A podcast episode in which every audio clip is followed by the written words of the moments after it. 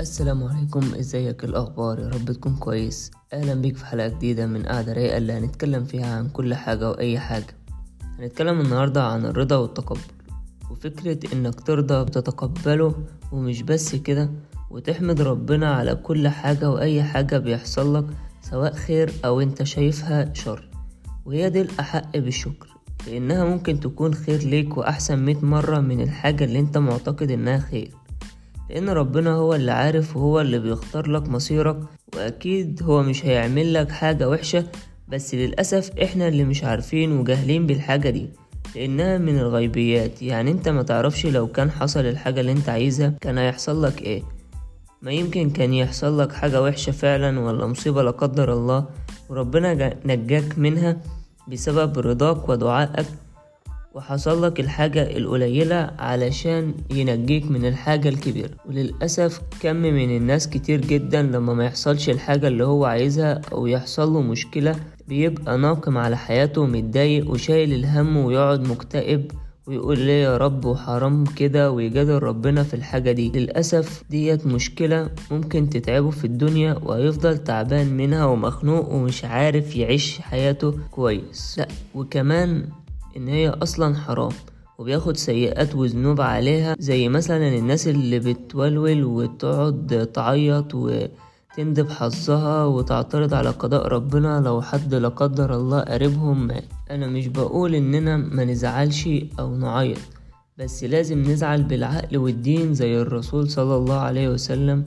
لما مات عمه وزوجته في نفس العام فضل صابر ومحتمل ويحمد ربنا. انت ممكن تعيط ماشي بس يبقى علشان مش هتشوفه تاني أو هيوحشك مش اعتراض على قضاء ربنا لأن ده اختبار من ربنا وابتلاء فلازم تنجح فيه وتعدي فيه كويس لأنه من أهم الاختبارات اللي في حياتك علشان ترضي ربنا. ومثلا استكمالا لموضوع الحلقة اللي فاتت اللي هي الثانوية العامة أنت ممكن تكون عملت اللي عليك اجتهدت وبذلت كل طاقتك. فربنا يكرمك ويوفقك وتجيب مجموع عالي أو اللي أنت عايزه أو ربنا يوفقك وتجيب مجموع أنت ما كنتش حابه ولا عايزه. سواء كده أو كده خير ليك وربنا قدر لك الحاجة دي لأنه عارف إنك هتنجح فيها وهتبقى كويس لما تحصل لك. بس أنت اللي ما تعرفش فتتعب في نفسك وحياتك في إنك مش راضي بقضائه وتدبيره ليك. فتبقى في شقاء في الدنيا وذنب في الآخرة. ففي الحالتين هو ده أحسن لك ولازم ترضى وتحمد ربنا وتكمل حياتك وتحاول تسعى إنك تبقى أحسن حد في مجالك. وصدقني ربنا هيقف جنبك وهتبقى أحسن واحد بس أنت ارضى بكل جزء فيك وصدقها مليون مرة إن ده خير ليك وإن شاء الله ربنا هيعوضك خير بعد كده. وأقولها لك من نظرة تانية إنك لا قدر الله ما جبتش المجموع اللي أنت عايزه أو ما حصلكش الحاجة اللي أنت عايزها ها وبعدين هتعمل إيه يعني؟ مفيش في ايديك حاجة غير طريقين ان انت تزعل وتكتئب ويبقى حمل عليك وتفضل طول عمرك تعبان بسببه أو الطريق التاني انك تتقبل وتحمد ربنا وتشكره على النعم الكتير اللي بس ما حصلش نصيب في الحاجة ديت بس نعم ربنا وخيره مغرقك في حياتك وتدعيه انه يعوضك خير على الحاجة ديت. وتكمل حياتك وانت مرتاح ان كل حاجة ربنا معاك فيها وهو اللي بيعملها لك وهو اللي بيختار لك الخير. صدقني فيها كمية راحة نفسية رهيبة. ودي بقولها لك عن تجربة إن أي اختيار أنت مش هتعرف إيه الأحسن والخير ليك فتسيب ربنا يختار لك وترضى بكده فعلا. فيها كمية طمأنينة مش طبيعية. وكمان هتكسب إيه لما تبقى ناقم على حياتك غير إنك هتبقى تعيش في الدنيا وشقاء وبتعمل حاجة حرام. فعلى الأقل خليها ثواب واكسب في الآخرة حتى لو مش هتكسب في الدنيا. ودي من أكتر الأسباب للانتحار اللي هو حرام برضو. فما فيش سبب إنك تضايق نفسك ولا تتخنق. زي مثلا موقف حصل لنا في المصيف إن واحدة قريبتنا كانت ماشية على الشط فالتليفون بتاعها وقع وهي ما خدتش بالها إلا بعد ما مشينا شوية. فرجعنا ندور عليه مش لاقيين حاجة خالص. رنا عليه نلاقيه مغلق. فقعدت بقى تعيط وزعلانة ومتضايقة على الحاجات اللي كانت عليه.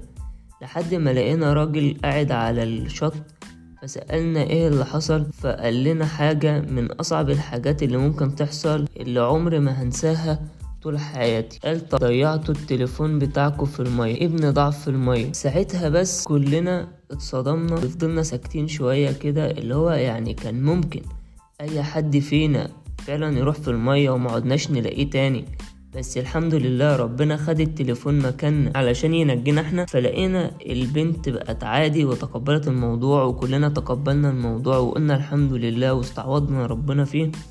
ومشينا وفضلنا نضحك ولا كأن في تليفون ضاع من ساعة ولا كأن في حاجة حصل ده علشان افتكرنا ربنا وسمعنا الحاجة اللي أوحش من اللي حصلت لنا مفروض إنك ترضى حتى من غير ما تسمع حد.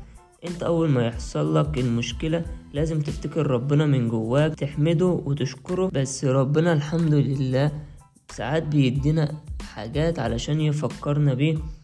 زي الراجل ده إن هو عرفنا إيه اللي حصل ويقول لنا اعرفوا إن ربنا جنبكم ومنجيكم من, من حاجات كتير وأوحش كان ممكن تحصل. بس الحمد لله على كل حاجة وأي حاجة بتحصل. زي مثلا إنك تبقى عايز تخرج وما خرجتش. فتقعد تتضايق ما يمكن كان جرالك حاجة لا قدر الله أو عملت حادثة. فقعدتك في البيت أكيد أحسن لك بس أنت اللي ما كنتش عارف.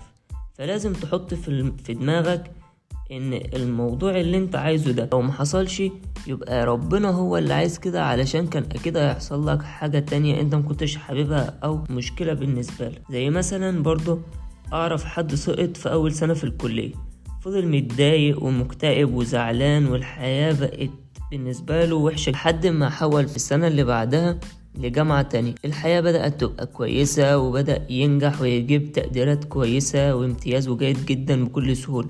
ومع ذلك بعد ما خلص الكلية وبعد كام سنة من حياته لحد دلوقتي بيشتكي وزعلان على السنة اللي ضاعت منه وبيندب حظه ومتضايق ومخنوق. طب هتفضل لحد إمتى متضايق عليها ومبوظة لك حياتك؟ مش عارف تعيش بسبب سنة غلطت فيها أو ربنا كان عايز فيها حاجة معينة عشان يعلمك فعلا درس وهو فعلا ده اللي حصل إن هو اتعلم الدرس وخد خبرة في السنة ديت خلته بعد كده يبقى حياته كويسة. بس هو لسه لحد النهاردة مش شا... مش عايز يقتنع بالكلام ده. مش عايز يعيش حياته كويسة ومرتاح ويقول الحمد لله وقدر الله ما شاء فعل ولا حول ولا قوة إلا بالله العلي العظيم. اللهم أجرنا في مصيبتنا واخلف لنا خيرا منها ويبقى مصدق فيها ومقتنع فيها مية في المية. فهي في الأول والآخر إحنا كل اللي إحنا بنعمله بنعمله علشان نرضي ربنا ونبتغي رضاه. هو ده أساس الحياة بتاعتنا اللي إحنا بنسعى فيها. عندك أوضح مثال هما الأنبياء. أكتر ناس مبتلين زي نبينا محمد ونبي الله موسى ونبي الله عيسى كلهم صبروا واحتملوا اللي ما يقدرش حد فينا طبيعي يتحمله. كل ده علشان ابتغاء مرضات الله وأكيد كلنا عارفين أكتر واحد مبتلى وصابر نبي الله أيوب عليه السلام. فضل مريض وفي عناء وتعب كام سنة واحتمل اللي محدش يقدر يحتمله. فأنت أكيد مش أحسن من الأنبياء علشان ما يبقاش فيه ابتلاءات. وفعلا أكتر حاجة غلط وحرام ممكن تتقال هي حرام اللي بيحصل فينا أو ليه يا رب يحصل كده؟ إن أنت بتعترض على قدر ربنا ودي لازم أنت اللي تعملها. ما ينفعش حد يعملها لك. أنت اللي بتختار طريقك. ممكن حد ينصحك أو يساعدك في إنك تبقى راضي وصابر بس في النهاية القرار ليك أنت وأنت اللي هتتحاسب على أفعالك. يعني خلاصة الكلام إنك لازم ويجب ولابد إنك تبقى راضي وصابر وقنوع بكل وأي حاجة ممكن تحصل لك يا إما حلوة يا إما أنت فاكر إن هي وحشة وهي من تدابير ربنا وتحمد ربنا عليها وفي النهاية أنا مش واعظ ولا شيخ أنا مجرد واحد جاي أقدم لك نصيحة أنا مقتنع بيها وبعملها وفعلا مغيرة حياتي مية في المية. وفي النهاية أنا حابب أشكرك إنك كملت الحلقة للآخر ولو عندك أي حاجة عايز تقولها اكتبها لنا وبس كده. أحلى مسا.